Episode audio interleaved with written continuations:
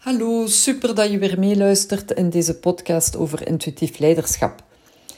Ik ben twee dagen geleden naar de bandencentrale geweest om mijn winterbanden te laten omwisselen met mijn zomerbanden. Ik was net op tijd om half vijf en mocht al dadelijk binnenrijden, dus dat was super. En dat maakte mij ook echt heel goed gezind, want ik had hierna nog heel wat te doen. Het uh, kwam toevallig uit, enfin, toevallig, kwam uit dat, uh, dat mijn zoon mij belde rond vier uur uh, om te zeggen dat zijn boekentas gebroken was. Hij vroeg me een nieuwe te gaan kopen en die dan naar het internaat te brengen. En ik moest dus zien dat ik nog voor zes uur in een winkel geraakte waar ik een boekentas kon kopen. Enfin, dus rond vijf uur was ik klaar bij de bandencentrale en reed van daaruit door naar Dreamland.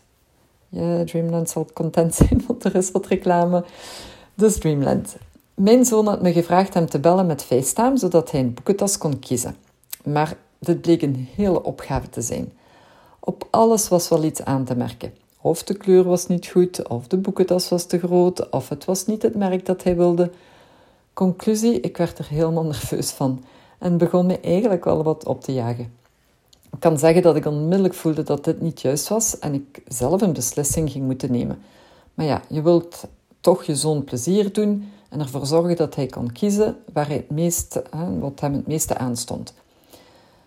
Maar bon, na twintig minuten was mijn geduld echt op en heb ik hem gezegd: Louis, ik ga neerleggen, want um, dit gaat niet verder. Ik ga die beslissing zelf nemen en dan rijd ik naar het internaat. Dus zo gezegd, zo gedaan. De keuze was voor mij vlug gemaakt, want met al zijn voorwaarden wist ik eigenlijk wel welke de belangrijkste waren en daar heb ik dan ook mijn beslissing mee genomen. En hij was uiteindelijk ook heel blij met de boekentas. Het was uh, helemaal wat hij wilde. Op mijn rit naar het internaat heb ik hier nog over nagedacht en geprobeerd na te gaan hoe, het anders had kunnen, hoe ik het anders had kunnen doen hè, om de frustratie te vermijden. Uiteindelijk, mijn conclusie was heel duidelijk. Ik denk echt dat de communicatie te snel is verlopen tussen het rijden naar de bandencentrale, waar ik dan een berichtje kreeg via WhatsApp met een foto van een boekentas die hij graag had, en het blindelings zoeken naar een boekentas in de, in de winkel en te, te veel willen pleasen. Ik wist wat hij wilde, maar had niet gedacht aan een plan B, als wat hij wilde er niet was. Soms is het nodig om gewoon even meer ruimte te geven aan een gesprek en meer vragen te stellen, want dat vermijdt elke keer weer opnieuw heel wat frustratie achteraf. Dus dat was al mijn eerste les van deze week. Nu bij het rijden naar het internaat toe merkte ik, merkte ik een abnormaal geluid aan mijn auto die er niet was voor ik mijn banden liet vervangen dus de vorige zomer. Het was te laat om de centrale die dag nog te bellen, dus deed ik dit de volgende dag. Ik had mijn factuur goed opzij gelegd op een strategische plaats in mijn keuken, zodat ik het niet kon vergeten. Ik mocht vandaag om vier uur teruggaan om het te laten nachecken. Dus ik was heel blij dat dat zo snel kon en ik was ook weer onmiddellijk geholpen. Dus niks over te klagen. Terwijl er eigenlijk wel heel wat volk was, dus ik was heel blij. Dus een van die werklui kwam mijn banden nachecken en stelde vast dat de achterste, twee vervormd waren en dus moesten vervangen worden.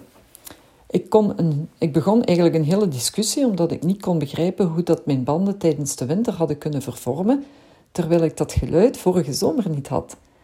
Ik had mijn banden mooi opgestapeld tijdens de winter in mijn werkruimte, dus daar kon het niet, van, van, of daar kon het niet aan liggen.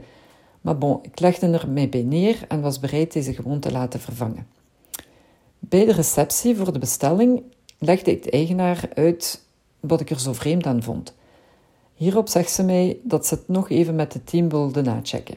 Na vijf minuten kwam ze terug en zei dat ik mijn vier banden moest vervangen. Ik dacht, ha, pardon, eerst geen banden met de wissel, want niemand heeft daar iets over gezegd of nagecheckt. Dan kwam het neer op twee banden, omdat ze vervormd waren. En nu in één keer vier, omdat ook de voorste versleten waren. Ja, je kan begrijpen dat ik toch even ontgoocheld was van dit verloop. Ik ben wel heel kalm gebleven. Ik ben gewoon gaan ademen en heb mij de vraag gesteld wat ik er hier en nu aan kon veranderen. Het antwoord was simpel: eigenlijk niets. Buiten het aanvaarden dat het zo was. Of eventueel mijn actuele banden houden, maar ja, dat risico wilde ik dan ook niet nemen. Het deed mij wel weer nadenken over hoe belangrijk communicatie toch kan zijn. Hoe hadden ze het anders kunnen aanpakken om te voorkomen dat er een paar keer heen en weer moest gelopen worden tussen de eigenaar en de werklui, om uiteindelijk de klant, ik dus, te laten weten dat alles moest vervangen worden? Ik zou denken dat in eerste instantie een check van de banden voor de wissel wel een goed begin zou zijn geweest. Maar bon, in deze context zou ik de klant gevraagd hebben even te wachten tot er met de eigenaar overleg kon gemaakt worden op de situatie van de banden, zodat deze onmiddellijk de juiste informatie kon doorgeven aan de klant. Dus ik weer. Ik merk toch elke keer weer dat communicatiegebreken een groot deel uitmaken van frustratie, stress en ongemak. In mijn eerste deel van het verhaal heb ik mij te goed willen opstellen en willen pleasen, terwijl ik eigenlijk wel voelde dat dit niet goed ging komen op die manier. Dat is een belangrijk onderdeel ook van intuïtief leiden. Intuïtief zijn betekent niet alles toelaten of willen pleasen. Het betekent niet soft zijn in alle mogelijke situaties. Het betekent te herkennen wat er zich afspeelt en er bewust van te zijn en met die informatie gaan beslissen wat het beste is voor jezelf, je team en je bedrijf. Maar je ziet, het is niet enkel situaties binnen in het bedrijf, het is ook wat kan voorvallen in het privéleven. En in mijn tweede deel van mijn verhaal is het gebrek aan structuur of processen die maken dat er te veel tijd verloren gaat in de communicatie, waardoor je energie verliest en iets waar ja, dat toch vermeden kan worden. Dus de tip van vandaag: vooraleer je gaat reageren op situaties, overweeg eerst wat tijd te nemen om na te gaan wat beter kan in het communicatieproces en van daaruit te handelen. Het, het bespaart uiteindelijk tijd, energie en vermijdt heel wat frustraties.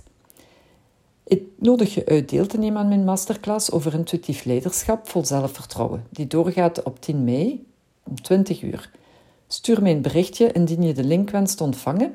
Ik ga heel waardevolle informatie delen en het is uiteindelijk een heel boeiend onderwerp. Super dat je luisterde naar mijn podcast Intuïtief Leiderschap. Dank je wel hiervoor. Weet je dat je heel eenvoudig een review kunt achterlaten? Het vraagt maar een paar minuutjes en het doet mij zoveel plezier. Je gaat naar de podcast-app waarmee je deze podcast beluistert en klikt op reviews. Je kan vijf sterren achterlaten of een geschreven review. Dat helpt mij om meer bereik te krijgen en zo meer mensen te inspireren. Ik kan je hier alleen maar dankbaar voor zijn. En abonneer je zeker als je alles wilt meevolgen. Klik in je podcast-app op de knop subscribe of abonneren en je ontvangt automatisch een berichtje als er een nieuwe podcastaflevering verschijnt. Handig toch? En ken je iemand die ook baat zou hebben bij het luisteren van deze podcast? Dan zou ik enorm waarderen dat je deze even kan delen of de aflevering doorstuurt. Als je via Spotify luistert, kan dat heel simpel door naar de drie puntjes te gaan in de app en dan te klikken op delen of gewoon de link te kopiëren en die dan te delen. Weet je waar ik blij van word? Als je laat weten wat je van je podcast vindt. En als de aflevering iets in beweging heeft gebracht bij jou, dan hoor ik het ook graag. Stuur me zeker een berichtje naar dominique.yournextme.com als je even persoonlijk wilt spreken of stuur me een connectieverzoek op LinkedIn.